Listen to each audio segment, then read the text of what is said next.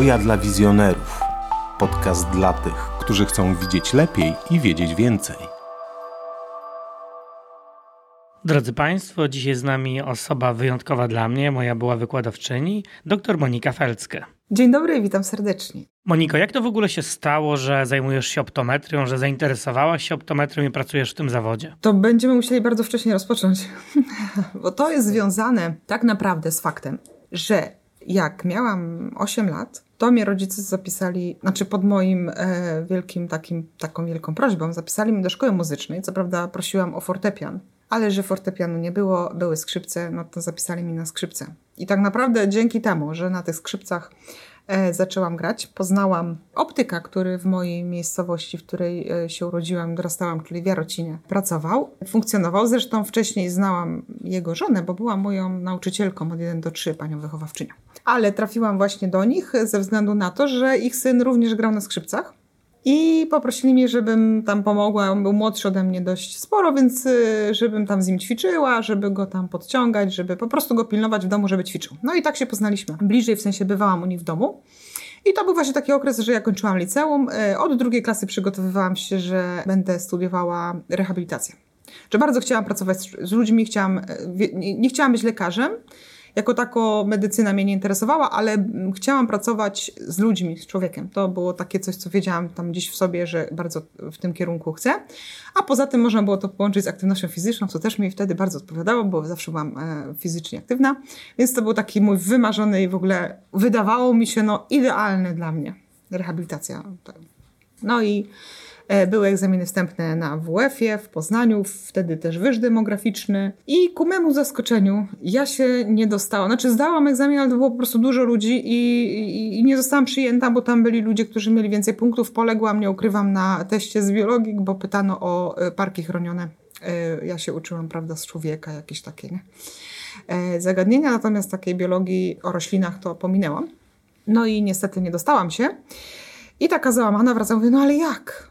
Jak, jak? Przecież ja od drugiej klasy mam ustalone, że no i wróciłam do domu, położyłam się spać i rano, to była sobota, obudził mnie telefon, zadzwoniła właśnie żona tego optyka i jak tam Monika, dostałaś się? A ja mówię, no nie, pani Asiu, nie dostałam się.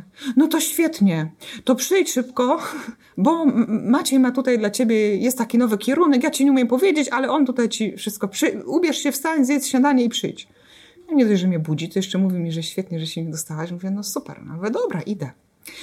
No i jak do, tam się spotkaliśmy, on zaczął mi opowiadać, że właśnie taki kierunek został uruchomiony zupełnie na świeżo dziennych studiów.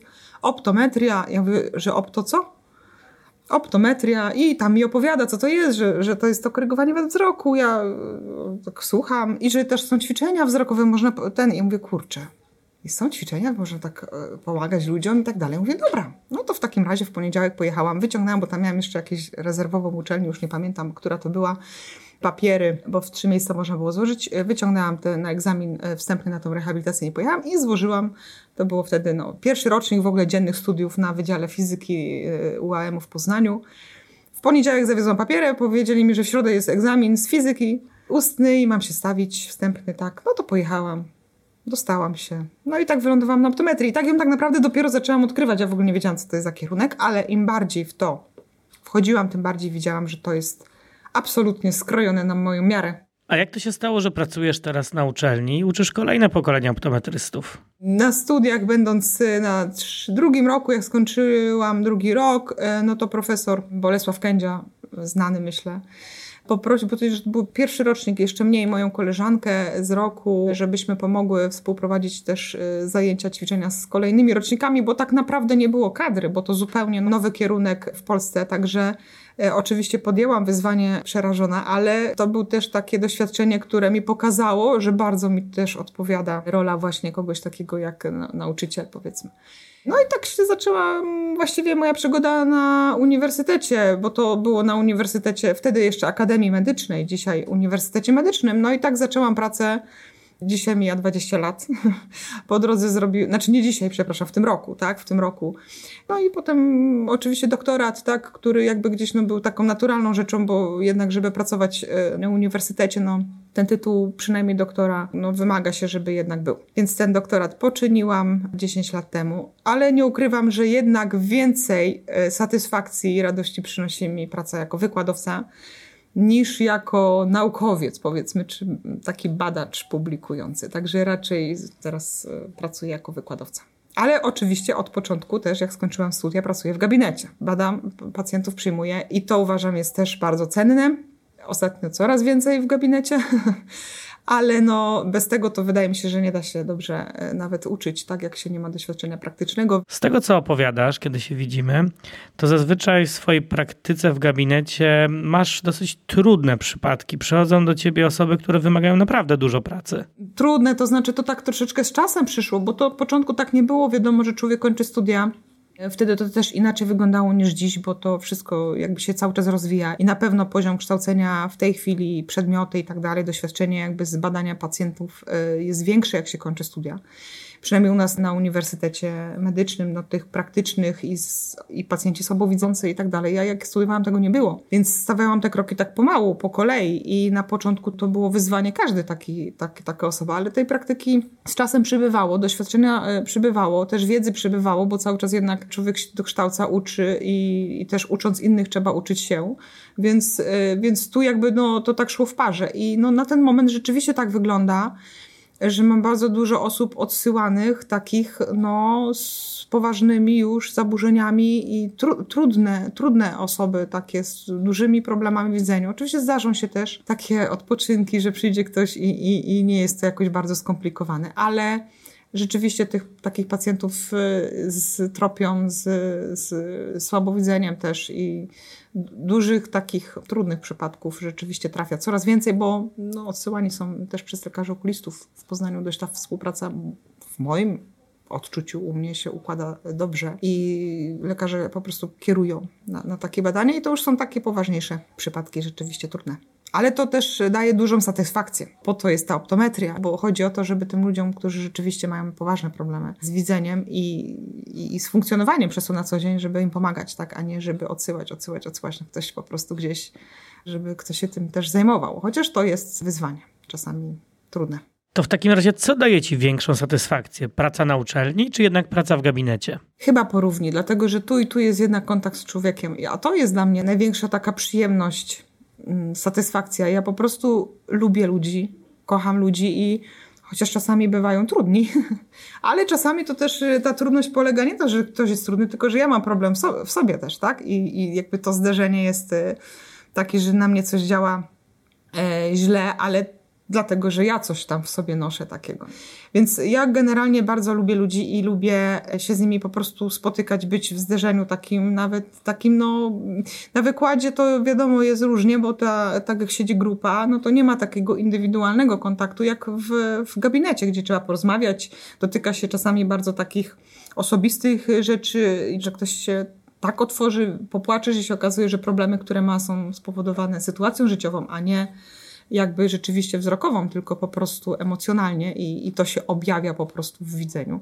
Więc y, to są czasami bardzo takie cenne spotkania w gabinecie. Ja uważam zawsze, że to nie, jak to też mówię studentom, nie wchodzą gałki oczne na badania, tylko wchodzi cały człowiek, cały świat i ten cały świat zderza się z całym moim światem. To jest jakby no, takie spotkanie dwóch osób, dwóch, dwóch ludzi, a nie, a nie jakieś takie przedmiotowe tak, podejście. Więc to, to chyba daje mi bardzo dużą satysfakcję.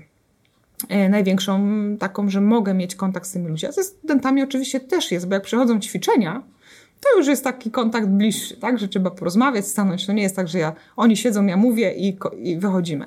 Ale ćwiczenia jednak są takim spotkaniem już bardziej jeden na jeden. Dlatego nie, post- nie wiem, e, nie ma, tu i tu, tu i tu jest e, pełna satysfakcja. Bardzo lubię obydwie rzeczy i dlatego jest, byłoby mi trudno zrezygnować no takie moje dwie nogi to są po prostu, no. Tak skakać na jednej to to ciężko. Także muszą być obie, no. Tak to mam. Wspomniałeś wcześniej, że zmienił się zakres nauczania optometrii. A jak ogólnie określiłabyś poziom nauczania optometrii w Polsce? Myślę, że to cały czas y, jest bardzo różnie. To znaczy, przez to, że uczelnie, które kształcą optometrystów, mają bardzo różne profile.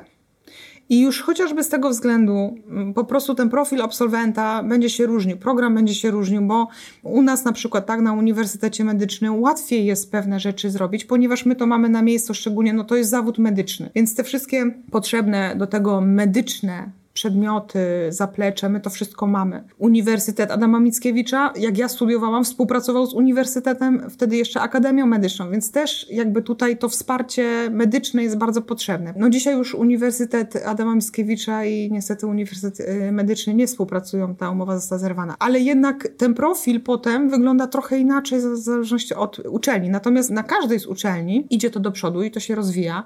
Jest coraz większa jakby świadomość tego, jak powinien ten zawód wyglądać, chociaż różnimy się między sobą. Tu moglibyśmy dotknąć takich, wiesz, delikatnych rzeczy, jak stosowanie farmakologicznych środków lub i nie. I kto jest za, kto jest przeciw. O dziwo, my jako uczelnia medyczna byliśmy przeciw, chociaż nam byłoby najłatwiej to wprowadzić. Ale może dlatego, że mamy największą świadomość, że to wcale nie jest takie hop Natomiast uczelnie, które wcale nie są medyczne, i im byłoby trudniej pewne rzeczy zrealizować, żeby wykształcić bezpiecznie tych y, optometrystów, są jak najbardziej za. I to mnie bardzo zastanawiało, nie? bo jakby uczestniczyłam też w tych rozmowach właśnie, jak, jak powinny wyglądać te kwalifikacje zawodowe, kompetencje y, optometrysty i tutaj jakby byłam bardzo zdziwiona, że w takim, na takim forum, gdzie żeśmy pomiędzy uczelniami różnych osób rozmawiali, wszyscy byli za środkami farmakologicznymi, oprócz mnie. Tak, jakby mnie jeszcze kolegi, też no, lekarze z, ode mnie z, z uczelni, więc tak naprawdę myślę, że to będzie się różnić zawsze. Jeżeli to będzie na różnych uczelniach, to będzie się różnić zawsze, co nie znaczy, że y, tu jest gorzej, tam jest lepiej. Jestem y, daleka od tego typu oceniania, natomiast te różnice będą, one są oczywiste. W programie muszą być, bo jest inny profil po prostu samej uczelni.